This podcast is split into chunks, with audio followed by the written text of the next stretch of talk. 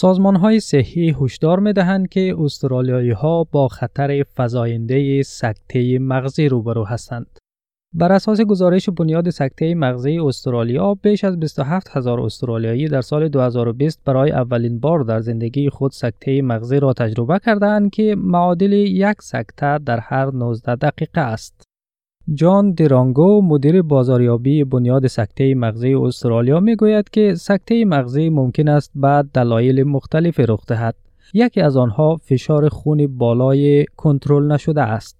سابقه خانوادگی، چاقی، مصرف سیگرت، کلسترول بالا، مصرف زیاد الکل یا داشتن بیماری شکر نیز از عوامل اصلی سکته مغزی هستند. One of the highest risk factors for stroke. And unfortunately, you don't know if you've got high blood pressure unless you actually go and get your blood pressure checked. So we do tell as many Australians as possible to go and get their blood pressure checked because it can be treated. High blood pressure can be treated. There's also family history of stroke, being overweight, uh, smoking, having high cholesterol or a high intake of alcohol and or having diabetes can be lead causes of stroke. سکته مغزی یکی از بزرگترین قاتلان استرالیایی هاست. این آرزه بیشتر از سرطان پستان از بین زنان و بیشتر از سرطان پروستات از بین مردان قربانی می گیرد. در حال حاضر حدود 445 هزار نفر در استرالیا با عوارض سکته مغزی زندگی می کنند. یکی از آنها دیوید لاکستون است که می‌گوید سکته مغزی از جهات مختلفی بر زندگیش تاثیر گذاشته است. Certainly, like, uh, you know, I'm not working anymore, uh, even though, like, I loved work when I was working, but um, just still sort of working day by day, getting through, trying to find improvements where I can and, and just finding ways to enjoy life. آقای دیرانگو گستره تاثیرات سکته مغزی بر زندگی روزمره افراد را با جزئیات بیشتری توضیح می دهد. او می گوید از آنجا که مغز تمام حرکات و اعمال انسانها را کنترل می کند، سکته می تواند افراد را با طیف وسیعی از تغییرات فیزیکی، شناختی یا معلولیت مواجه کند. این آرزه می تواند پیامدهای چون فلج، مشکلات گفتاری و قرد دادن غذا، مشکل حافظه، شنوایی یا بینایی به همراه داشته باشد. به گفته او در کل دو نوع سکته مغزی داریم که یکی در نتیجه لخته شدن خون و دیگری در نتیجه خونریزی رخ می دهد و پیامدهای آن به این بستگی دارد که در کجای مغز و با چه شدتی رخ می دهد. Because the brain controls everything we do, the way we think, the way we move, speak and eat, stroke can leave people with a wide range of physical and or cognitive changes and disabilities. Now some of the effects can include paralysis, speech and swallowing difficulties, problem with memory, hearing, or eyesight. It all depends on where in the brain the stroke occurs and how severe it is.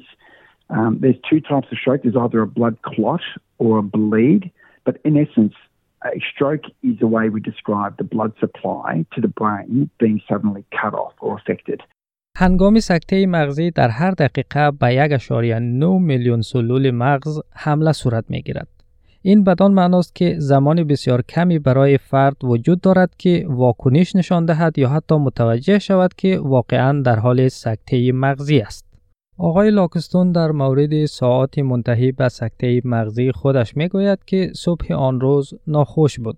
احساس خستگی می کرد و وقتی سکته رخ داد احساس می کرد که میگرن یا سردرد دارد.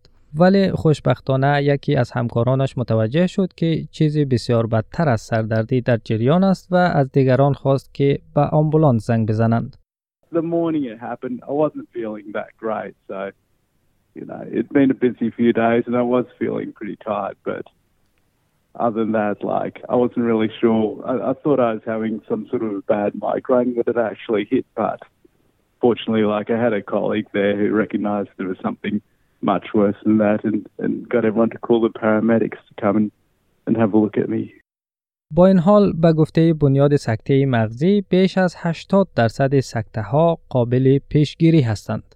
آقای دیرانگو توصیه می کند که مخفف فاست را در زبان انگلیسی به خاطر بسپاریم و می گوید که این مخفف در قسمت شناسایی علایم سکته خیلی کارساز است. در این مخفف حرف ف یا اف از صورت نمایندگی می کند یعنی صورت فرد ممکن است بیرخت و فلج شود الف یا ای از آرم یا بازو نمایندگی می کند آیا فرد می تواند هر دو دست خود را بلند کند؟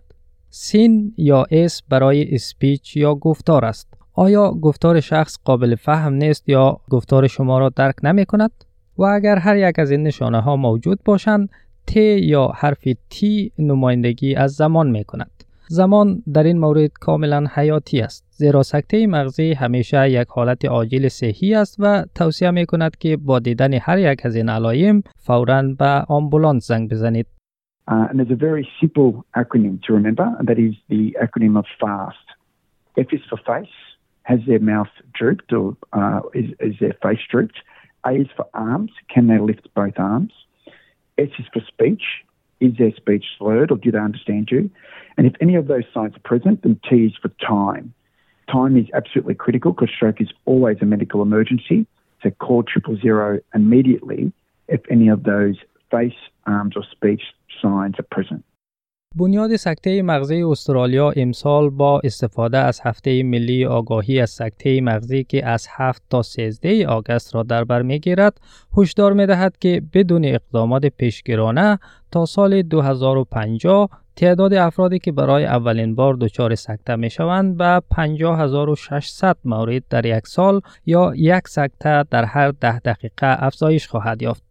این سازمان همچنین می‌گوید که تا سال 2050 شمار نجات یافتگان سکته در استرالیا به 819 هزار نفر افزایش خواهد یافت.